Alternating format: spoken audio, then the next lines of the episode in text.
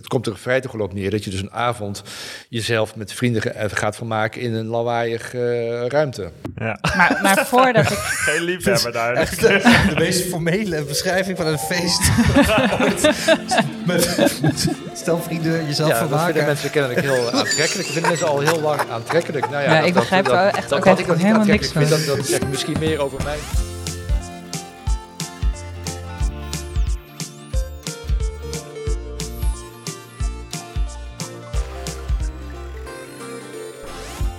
Hallo en welkom bij aflevering 11 van Kwesties seizoen 2. De podcast van het grootste populair wetenschappelijke tijdschrift van Nederland. Met vier redacteuren geven we elke vier weken antwoord op fascinerende vragen uit de nieuwste quest. Deze aflevering is in verband met verscheidene vakanties, helaas een paar dagen later, waarvoor ons excuus. Vandaag gaan we het hebben over optimisme. Kun je jezelf een positieve levenshouding aanmeten? Ellie, notoire mopperkont, toverde zichzelf in een maand om in een vrolijke positivo. Daarnaast uitgaan. Hoe ging dat vroeger? Mark Tra, die deze week Roline vervangt, vertelt ons alles over hoe we vroeger de stad onveilig maakten. En tot slot, Pepijn keek mee bij een maagoperatie waarbij een operatierobot aan te pas kwam. Wat kan deze robot allemaal en hoe kan die chirurgen helpen? Mijn naam is Adriaan Te Braak en naast mij op de redactie in Amsterdam zitten mijn collega's Ellie Postumus, Pepijn van der Gulden en Mark Tra. Eindelijk. Eindelijk, ja, dit is echt. eh Mark is natuurlijk de ultieme questlegende. en na heel veel verzoeken is het dan eindelijk zover en wil hij bij ons aanschuiven. Dus welkom. Volgens mij heeft hij zichzelf aangemeld. Nee, hoor. Ja, ik heb, mezelf, ik heb mezelf opgedrongen. Ja. Ja, en je zult ook zien dat de luistercijfers nu gigantisch omhoog gaan schieten. Ja, nu al, ik zie, denkt, ik zie, Mark de- Tra. ik ja. zie het nu al omhoog gaan, ja. Ja, nee, zeker. Mensen denken, oh, Mark Tra is de gast, dus dat, eh, dat belooft wat. Ehm, nou, laten we lekker naar het eerste blokje gaan. Ellie, je straalt de laatste tijd. Oh, dank je. Ja. Wat leuk dat je dat ja, zegt. Je hebt jezelf eh, in een maand eh, een positieve mindset aangemeten. Wat heb je gedaan? Nou, dit is wellicht lichtelijk overdreven. Ik heb geprobeerd... Sorry dat ik het een beetje leuk probeer te verkopen. Oh, dat gaat, dus het gaat helemaal mis. Positief blijven, hè? Ik heb geprobeerd wat positiever in het leven te staan. En daar heb je dus allerlei van, van die kleine oefeningen voor. Ehm, waarvan een deel eh, daadwerkelijk werkt. Want dat vroeg ik me dus af. Want je hebt altijd van die, van die dankbaarheidsdagboekjes. En nou, ik heb even wat oefeningen opgezocht die werken. Zouden moeten werken. Die wetenschappelijk onderzocht zijn en Ja. die iets opleveren. Eh, wat ik zelf gedaan heb, is dat ik elke dag in een positiviteitsdagboekje heb opgeschreven ehm, drie dingen die die dag goed zijn gegaan en waarom ze goed zijn gegaan. En het idee daarvan is dat je dan eh, meer aandacht hebt voor positieve dingen en minder voor negatieve dingen. Mensen zijn gewoon geneigd om heel erg te letten op negatieve dingen. Ja, en dan jij met name? Daarom Ik- ging jij dit doen? Nou ja, ik vind mezelf niet echt heel positief. Oké. Als je, Roline is er nu niet, maar ik vind Roline is altijd zo positief. Daar ben ik wel een beetje jaloers op.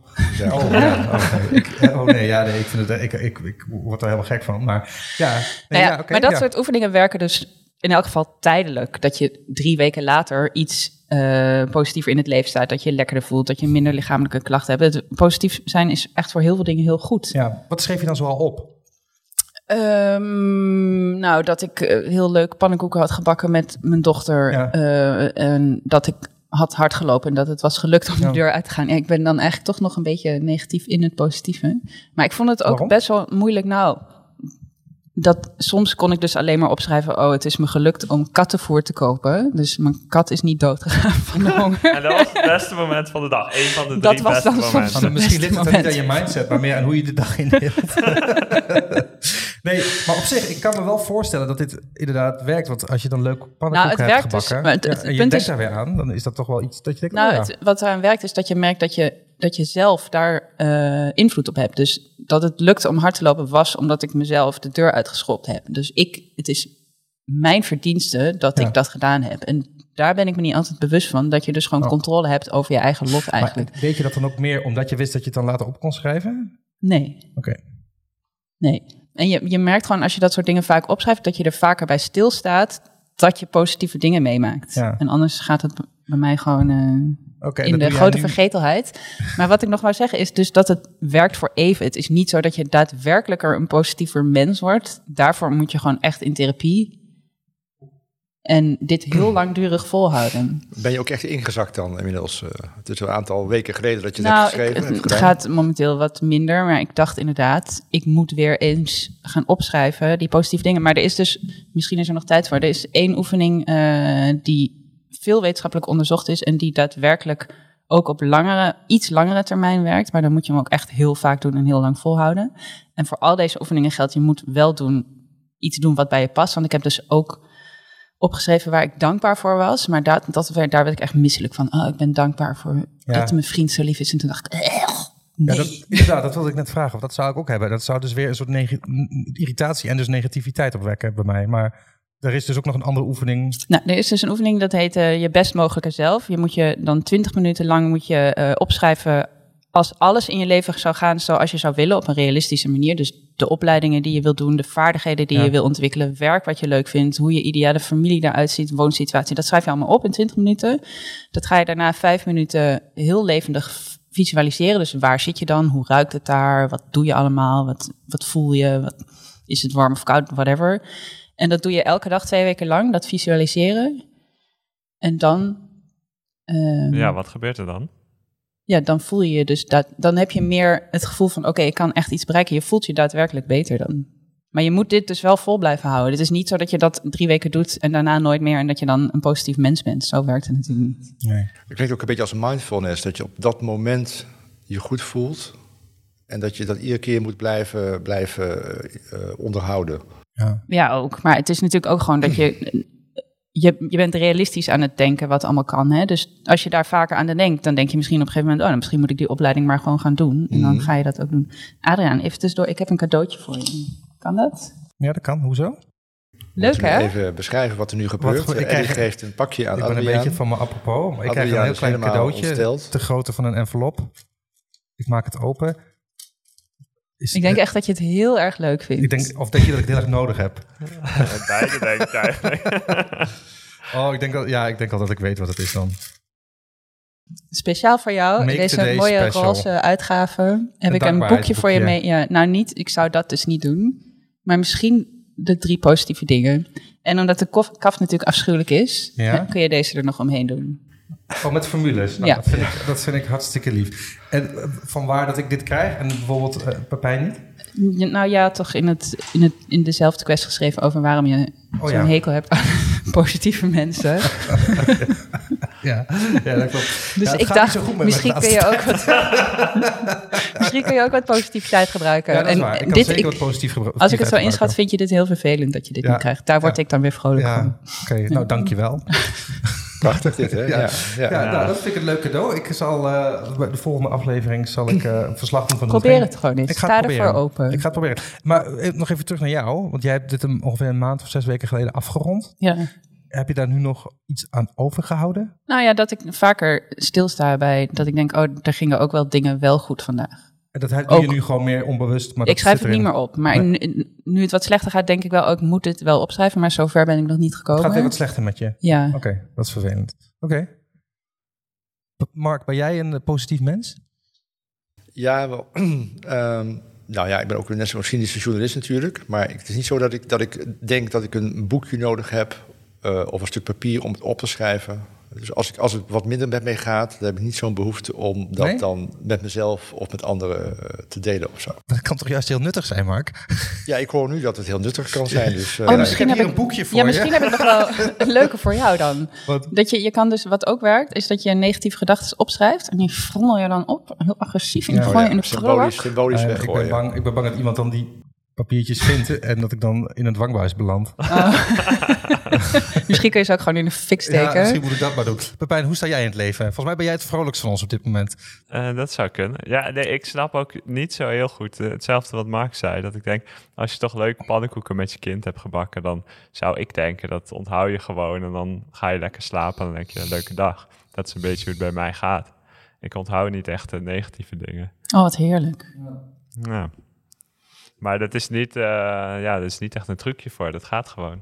Ja, maar toen ik nog jong en naïef eh, was, had ik dit ook. Maar op een Oh. gegeven moment gaat het... eh, ik leef Nee. nog in de kinderwereld. Nee, ja. En is dat iets wat je kunt, wat, je kunt wat, wat in je genen zit, zeg maar? Een Ja, positieve eh, levenshouding? Ja, voor een kwart is het genetisch bepaald. Oh. En de rest is omgeving, opvoeding. Als je ouders eh, ook nooit jou hebben geleerd wat je moet doen als je een tegenslag tegenkomt. En dat je die weer overwint. Ja, Dan, eh, dan, dan wordt het ook heel moeilijk. Oké. Dus je kan het wel veranderen, maar niet, het is Niet niet zo dat je echt ineens een, eh, de nieuwe Roline wordt. Ik niet in elk geval. Nee. En heb je wel die behoefte dan? nou, soms, nou ja, nee, nee, ik vind mezelf best oké. Maar als ik Roline soms zie, denk ik, nou, zij is echt super vrolijk. Dat zou ik ook wel eens willen zijn. Ja, ja dat snap ik wel. Gewoon gedurende een langere periode. Ja. Maar is dat ook niet een kwestie van jezelf bijvoorbeeld afsluiten van het nieuws en zo? Dus dat je... eh, Nou, ik ben ook gewoon een beetje zo. Ja, dat is waar. Dat heb je Maar ik vind het ook niet altijd. Het is, ik vind het ook niet altijd negatief. Ik vind mopperen dus ook heel fijn. Mopperen is heel gezond. Ja. Nee, daar moet ook ruimte voor zijn. Alleen je, je, je hebt een soort bandbreedte waar, waarbinnen het gezond is. En ik heb het idee dat vooral jij en ik wel eens uitslaan naar de verkeerde kant. Mogelijk. Maar terwijl met het gaat optimisme... erom in hoeverre je eronder leidt, zeg maar, zelf. precies. Hè? Dat als je er zelf helemaal geen, geen last van hebt, of, Nee. dan- of je, eh, dan, dan Ja, als je er echt heel erg last van hebt, dan moet je gewoon in therapie gaan. Dan moet je niet dit soort oefeningen gaan doen. Ja. Maar als je het af en toe wat positiever in wil zien, dan kan dit best werken. Maar, ik, ik- maar het is gewoon ook vooral oneerlijk. Want bijvoorbeeld zo'n Reline, die, die zou nooit te positief zijn. En zou nooit in therapie moeten omdat ze Dat te weet je, positief is, toch? Ik bedoel, Dat Oh. zie je nooit. Van, oh, ik ga nu een boekje bijhouden om negatiever te worden.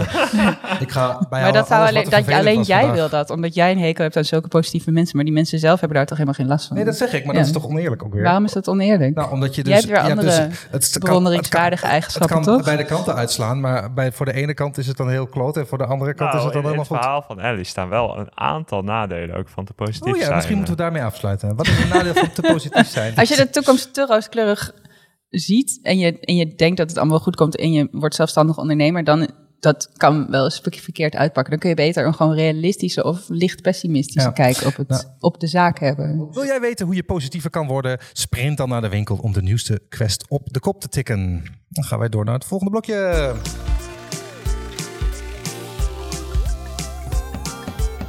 Ook iets om hartstikke positief om te zijn. Mark heeft zich ondergedompeld in het uitgaansleven van vroeger. Hoe zag dat eruit? Nou, ja, vertel, hoe zag dat eruit? 100 jaar geleden, je ging uit, je ging de stad 100 in. geleden, Wat gebeurde er? Ik ben Ja, heel toen, benieuwd waren, toen eigenlijk. waren er van allerlei dingen nog niet natuurlijk. Ja. Eh, nou, je kon, in de eerste plaats kon je kon niet eventjes met je vrienden appen van zullen we daar of daar naartoe gaan. Eh, en er was überhaupt gewoon nog heel weinig, geen lange straten met uit, uitgaansgelegenheden, clubs enzovoorts. In die tijd kwamen eh, heel mondjesmaat kwamen de dansclubs op. Hè, de Charleston kwam Ja. uit Amerika overwaaien bijvoorbeeld. Nou, dat was, dat was echt door, door volwassenen, eh, veel behouden door volwassenen moet ik zeggen, werd dat echt als, eh, ja, als iets verschrikkelijks eh, gezien. Hè? Dat je jezelf zo liet gaan. Hè? Echt zedenverwildering eh, was, was dan Zedenverwildering. het, het, het woord. Maar ja, goed, die, kinderen, of jonge mensen moet ik zeggen, die pubers, puberleeftijd, die waren gewoon niet meer eh, tegen te houden. Omdat het tot, dus, tot dusver was het aanbod echt, echt bedroevend. Hè? Er werden echt eh, pubers die werden gewoon naar voorstellingen eh, van marionettenclubs, eh, eh, eh, knutselavondjes gestuurd. Hoe oud waren die kinderen dan? In de puberleeftijd, zo zeg maar tussen de 12 en de 18. Die, eh, Maar 12 kan ik nog knutselen enigszins voorstellen. Maar Ja, maar het waren gewoon, eh, gewoon activiteiten. Dat ging, ging vaak uit van de kerk of eh, van een jeugdorganisatie. Hè. Dat was allemaal door, door volwassenen werd het dan georganiseerd. En die wilden hun kinderen natuurlijk, als ze dan toch s'avonds het huis uitgingen, wat li- liever niet, maar goed, als dat dan gebeurde, ja, dan moesten ze toch liefst in een gebouw onder worden gebracht waar ze onder toezicht van volwassenen zich, eh, zich vermaakten. Dat wilden die, die kinderen, eh, die pubers natuurlijk eh, niet. Dus de praktijk was dat, dat ze gewoon over straat zwierven s'avonds. En dat ze baldadig werden, waar dan de volwassenen weer aanstoot aan namen. Werd er dan ook gedronken? Wat zeg je? Werd er dan ook gedronken bijvoorbeeld? Eh, ja, dat, dat kwam natuurlijk ook meer op. Hè? Je had dus meer gelegenheid dan om, eh, om, om stiekem met elkaar te gaan drinken.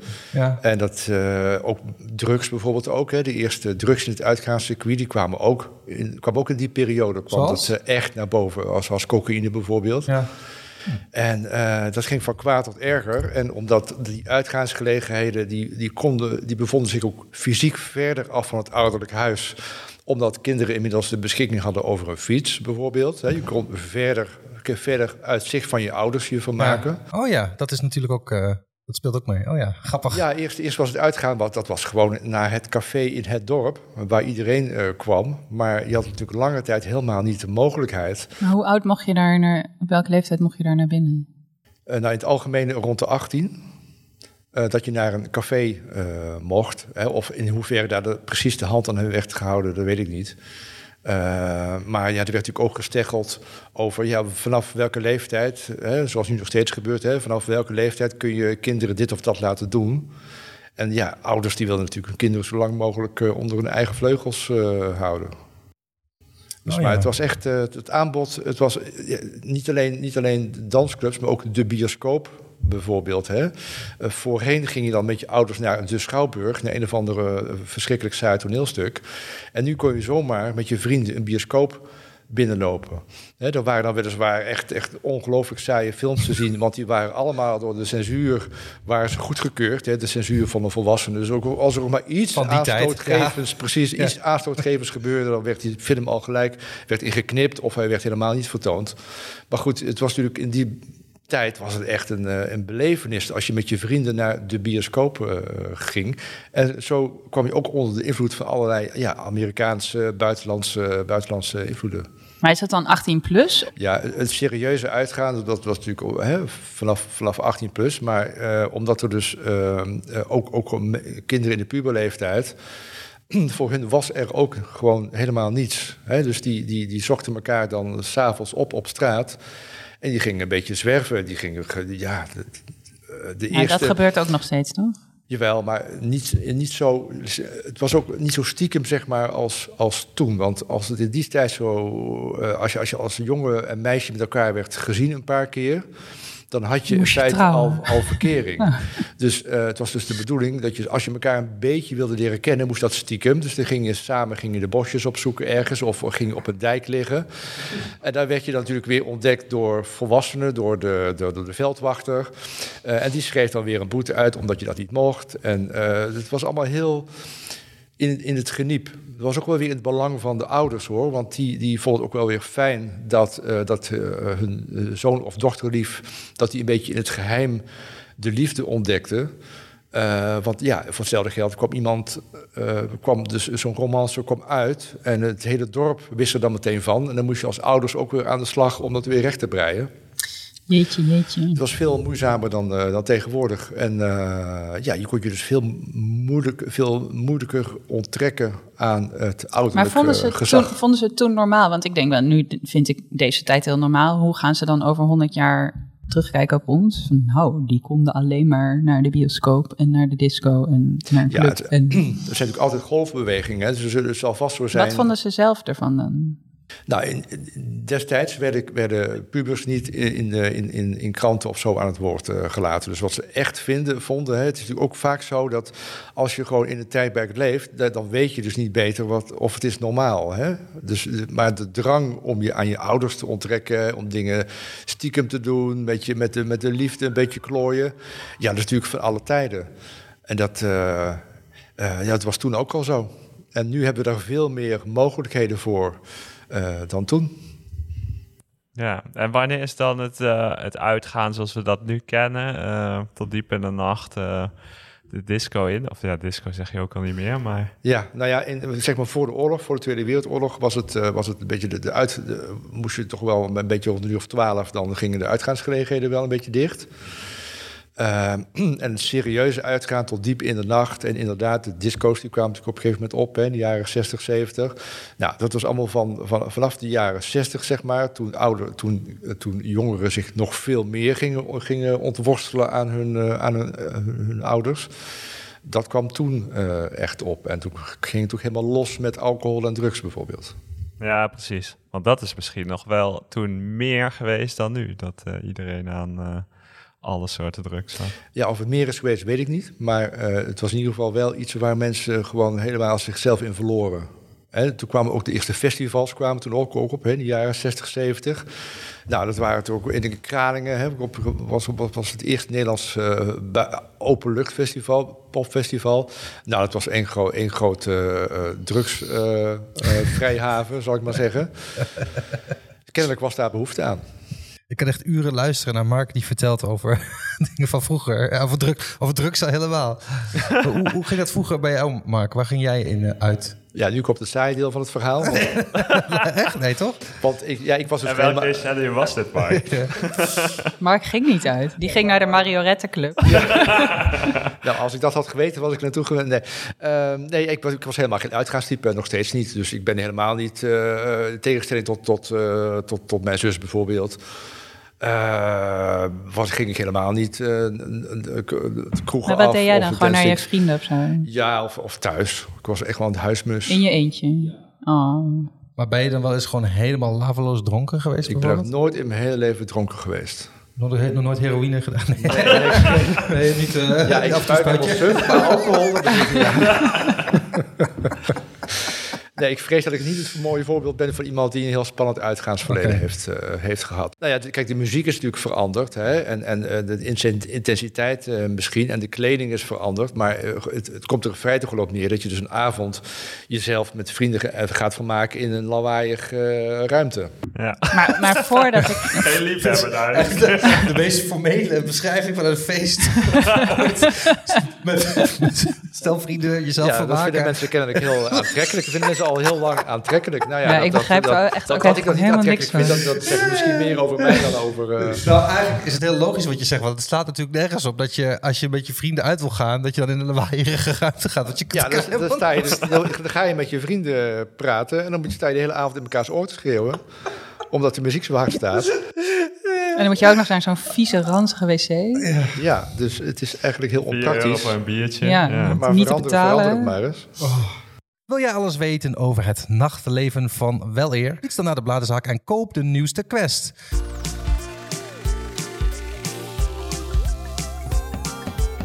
Pepijn keek mee bij een maagoperatie waarbij een robotarm werd ingezet.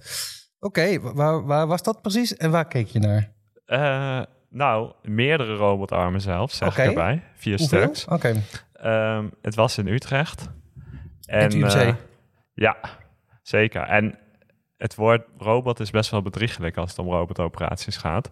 Want eigenlijk doet die robot niks zelf. Het is een chirurg die bestuurt hem. Dus het is meer een soort van uh, afstandsbediening, of hoe je het wil noemen. Maar het is wel uh, fascinerend. Maar is het gewoon een stuk gereedschap dan? Nou, het zijn dus vier armen die door hele kleine gaatjes in de buik gingen die naar binnen. Uh, en daar zitten instrumenten aan, dus een mesje, een schaartje, dat soort dingen. En dan zit er een, uh, een chirurg die zit achter een beeldscherm. Uh, en die heeft een soort joysticks. En daarmee bedient hij dan die instrumenten Oeh. die in de buik zitten. Dus het is een beetje gamen, alleen dan in plaats van dat je schiet of dat je een stad bouwt, moet je gewoon lekker snijden en draadjes leggen in een buik. En die armen die gaan in de buik zonder ze open te snijden? Nee, er zitten wel. Ze kunnen natuurlijk niet inkomen zonder gat. Dus er zitten gaatjes ongeveer te, ja, een centimeter of twee, drie groot. Dus het zijn eigenlijk hele dunne pinnetjes, een soort satéprikkers. En op het einde van die satéprikkers zit dan dus een, een mesje of een soldeerbout oh, ja. ook. Uh, en het grappige aan die robot is dat die dus precies de bewegingen van die chirurg vertaalt naar dat apparaat aan het einde van het pinnetje, waardoor die heel nauwkeurig uh, in de buik dus kan solderen, ja, solderen, schroeien. Het klinkt Ja. heel spannend. Ook als, als ze die dan uitschiet per ongeluk. Zo, oh, oh, Ja, die dat is joystick. natuurlijk de- de maar dat kan natuurlijk in het echt ook. De, de reden waarom wij dit, wellicht eng zouden kunnen vinden, dat is natuurlijk omdat, er gewoon, omdat het een apparaat is wat gewoon een keer wat kapot kan gaan of wat Dat een storing zelf iets heeft, gaat doen. Ja. of wat uitschiet. Eh, is, is daar nog, hoe, hoe is dat ondervangen? Uh, nou, ik begreep dat het in al de tijd dat zij dat apparaat hadden gebruikt, dat hij volgens mij één keer een kleine storing had gehad, dat hij er even mee ophield en dat ze hem weer moesten in gang brengen. Maar het is. Kun je ja, dan ook hacken of zo? Uh, nou, ik denk van niet. Nee, het is allemaal uh, gewoon lokaal. Dus hij stuurt hem direct aan. En ik denk dat de ontwikkelaars wel hebben nagedacht van... het moet een beetje goed werken. Er moet niet eh, af en toe een pop-up komen of een, eh, een melding van even rebooten, jongens. Dus uh, het is wel een stabiel systeem. En betekent het ook dat je ook nu ehm, mensen, dat bij wijze van spreken de chirurg aan de andere kant van de wereld is... en, en dat de robot bij de patiënt is en dat je zo iemand op een hele grote afstand kunt opereren? Ja, technisch gezien kan het wel. En dat was in eerste instantie ook, begreep ik, de reden waarom ze dit gebouwd hebben. Dat ze bijvoorbeeld in oorlogsgebied dan zo'n robot zouden kunnen neerzetten en dan niet de chirurgen heen hoeven te vliegen. Maar ik was eigenlijk verbaasd dat in Utrecht zit die chirurg gewoon echt in dezelfde kamer nog. Omdat in de praktijk toch blijkt dat je wel moet overleggen. Want er zijn wel ook nog assistenten betrokken bij die operatie. De narcose moet worden vastgehouden. Dus uiteindelijk in de praktijk blijkt dat het beter werkt als de chirurg wel gewoon aanwezig is in uh, chirurgenkleding. Uh, en dat is ook hoe het meestal gaat. En wat ze wel doen is dat dan met de videoverbinding kan iemand meekijken. Dus dan kan de chirurg, de echte specialist in de VS, kan dan aangeven van ik oh, zou daar even draadje leggen. En dan, uh, dan doet dan de chirurg ter plekke dat, dat werk. Fascinerend. Ja, en waar zat jij dan? Uh, ja, ik, nou, dat was eigenlijk, ik was er verbaasd over. Dat ging heel makkelijk. Ik had ook gewoon ja, de juiste kleding aan en dan ben je ook uh, veilig. En het grappige is dat het systeem is ook heel handig omdat er iemand kan meekijken. Dus er zijn twee schermen en die zijn dan driedimensionaal. En uh, daar kun je dan gewoon hetzelfde zicht heb je dan als de chirurg. En die kan ook met een pijltje dan tekenen van wat hij aan het doen is. En, en hij kan zelfs, je hebt dan ook die joysticks. Dus hij kan jou ook de macht geven om uh, het over te nemen. Jij zat naast degene die die robotarm bestuurde?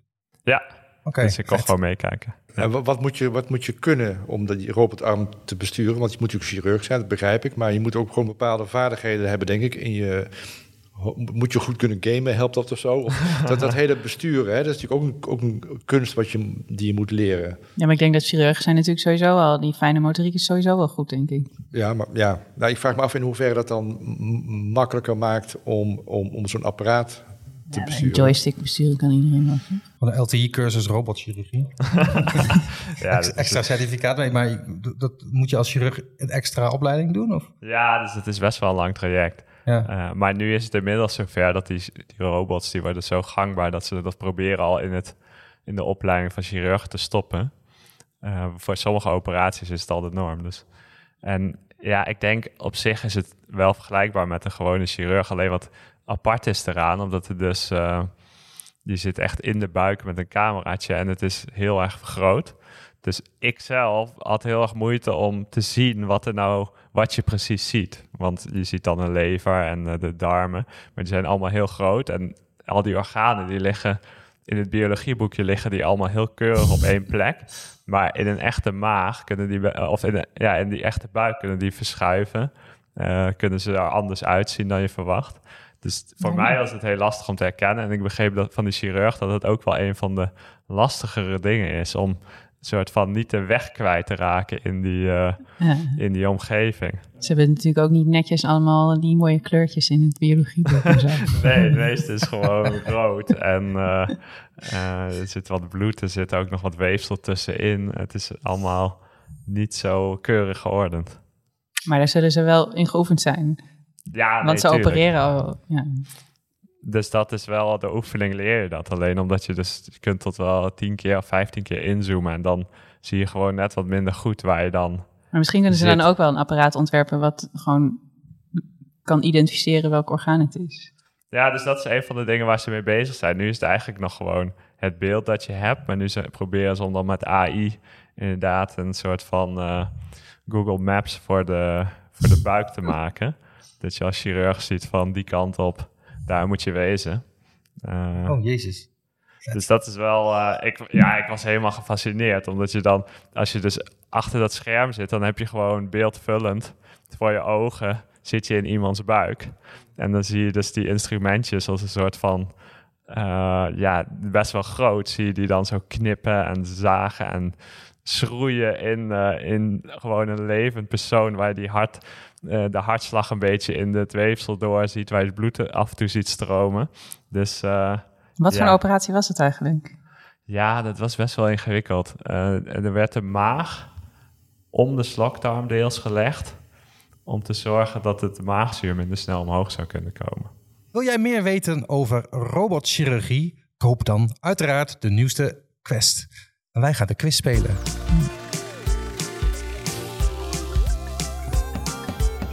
De tussenstand zoals hij nu is. Ellie 15 punten, Roline 19 punten en Pepijn ook 19 punten. Mark, jij gaat eh, punten sprokkelen voor Roline deze ronde. Ja. Dus doe je best. Of niet. Of niet. Of niet. Maar ik ben positief, dus ik denk van wel. Oké, nou dan gaan we. Vraag 1. Even kijken. We hebben het net gehad over positiviteit. Eh, hoeveel procent van de Nederlanders is in 2018 tevreden met hun leven? 2018, Ja. wat een oud cijfer. Waarom dit oude cijfer? Voor corona. Dat is voor corona. Oh. Ja. Dus schrijf het maar op en dan kom ik bij jullie langs. Degene die er het dichtst bij zit, krijgt een punt. Oké, jullie hebben allemaal iets opgeschreven, Pijn. 83 procent. Zo, dat is eh, heel hoog. Oké, 70 procent. oké, oké. 81. Nou, het goede antwoord is 85%. Dus Pepijn krijgt een punt. Ja, Best positief, Ellie, die zat heel dichtbij. dat is wel waar. Dit doet extra pijn. Bedankt. Eh, de volgende vraag. Eh, we hebben het ook al uitgehad over het uitgaansleven. En dan wil ik van jullie weten hoeveel liter bier drinkt een volwassen Nederlander gemiddeld per jaar? Ja, Ellie, zeg maar. 26. Mark. 64. Eh 72. Sorry, wat zei jij? 64. 72. Dan krijgt Pepijn weer een punt, want het is 83 liter. Serieus? Ja, ja, ja, ja, ja. ja. Oh, mijn mond valt gewoon echt open. Ja, het is flink, hè? Dit is echt elf bizar kratten. veel. Elf kratten. Nou, misschien is dit ook een weg naar positivisme. Alles heeft met alles te maken. Nee, ik ben niet zo'n fan van alcohol. En, en tot slot, we hebben het gaat over de robotarm. Natuurlijk hartstikke modern qua chirurgie. Eh, aan jullie de vraag. Wanneer vond de eerste gedocumenteerde chirurgische ingreep plaats? Welk jaar? Zal ik maar gewoon eerst doen? 31.000 jaar geleden om precies te zijn. Oké, dat, is, eh, dat is een flink lang geleden. Ja, dat is ik dus denk, voordat we... eh, v- 4000 jaar geleden. Ik dacht eh 11.000 jaar geleden. Het is 8500 jaar geleden. Ik heb net een kortje erover geschreven. Ja? Wat was het 31.000 jaar geleden. Wat dan? Dat afgezette been. Ik, ik, ben het, ik, had, eh, ik, ik, ik ben het met je eens. Jij verdient een punt. Ik had het niet goed op een rij. Oké, dat is dus nu de tussenstand. Roline heeft er eigenlijk geen punt bij gekregen. Sorry, Mark. Sorry, Dus. Roline heeft eh, 19 punten. Ellie heeft er wel een punt bij. Dus Ellie heeft 16 punten en Pepijn heeft er twee punten bij. Eh, Dus Pepijn heeft 21 punten. Ik heb al zo'n idee hoe dit eh, dit jaar gaat eindigen, de eindstand. Maar Oh ja, we naderen natuurlijk het eind we van het seizoen. naderen, ja, maar we gaan, er gaan nog wat wilde dingen December gebeuren. gewoon? Je kunt ook als punten afpakken en eh, dat soort dingen. Of, of, Oh, alles is nog of er, komt, mogelijk. of er komt een minteken voor je score te staan. Dat kan ook nog. Dus het gaat. Volstrekte willekeur wordt er daar gevallen. Ja, dat is de laatste aflevering, dus dat wordt echt feest. We gaan alles opgooien. aflevering over chaos. Wanneer is dat? Gewoon aflevering Laatste 13. aflevering van, aflevering van december. Ja. Eh, nou, dit was aflevering 11 van Questies, het tweede seizoen. Meer over de onderwerpen waar we het over hadden vind je natuurlijk in de 11e Quest van 2022 en op quest.nl.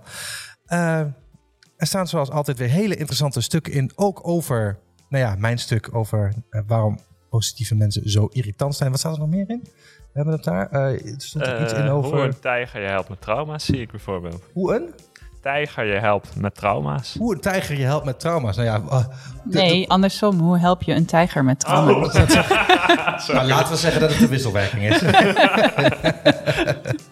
Eh, mijn naam is Adriaan de Braak en je hoorde ook Ellie Postumus, Pepijn van der Gulden en Mark Tra. Vind jij kwesties leuk? Abonneer je dan snel, laat een review achter en vertel het al je vrienden. Je kunt ons ook bereiken via Twitter, dan krijg je waarschijnlijk Mark aan de lijn, @quest.nl of per mail kwesties@quest.nl. Bedankt voor het luisteren en weer tot over vier weken. En we zoeken nog vragen. We zoeken, eh, al- we zijn altijd... eh En leuke vragen fanmail. zijn we altijd... eh, ja, we zoeken fanmail. Dus als jij nog fanmail aan liggen, stuur die alsjeblieft op. Positieve berichtjes. Positieve berichten. Tot de volgende keer. Mag ik nog iets zeggen? Nee.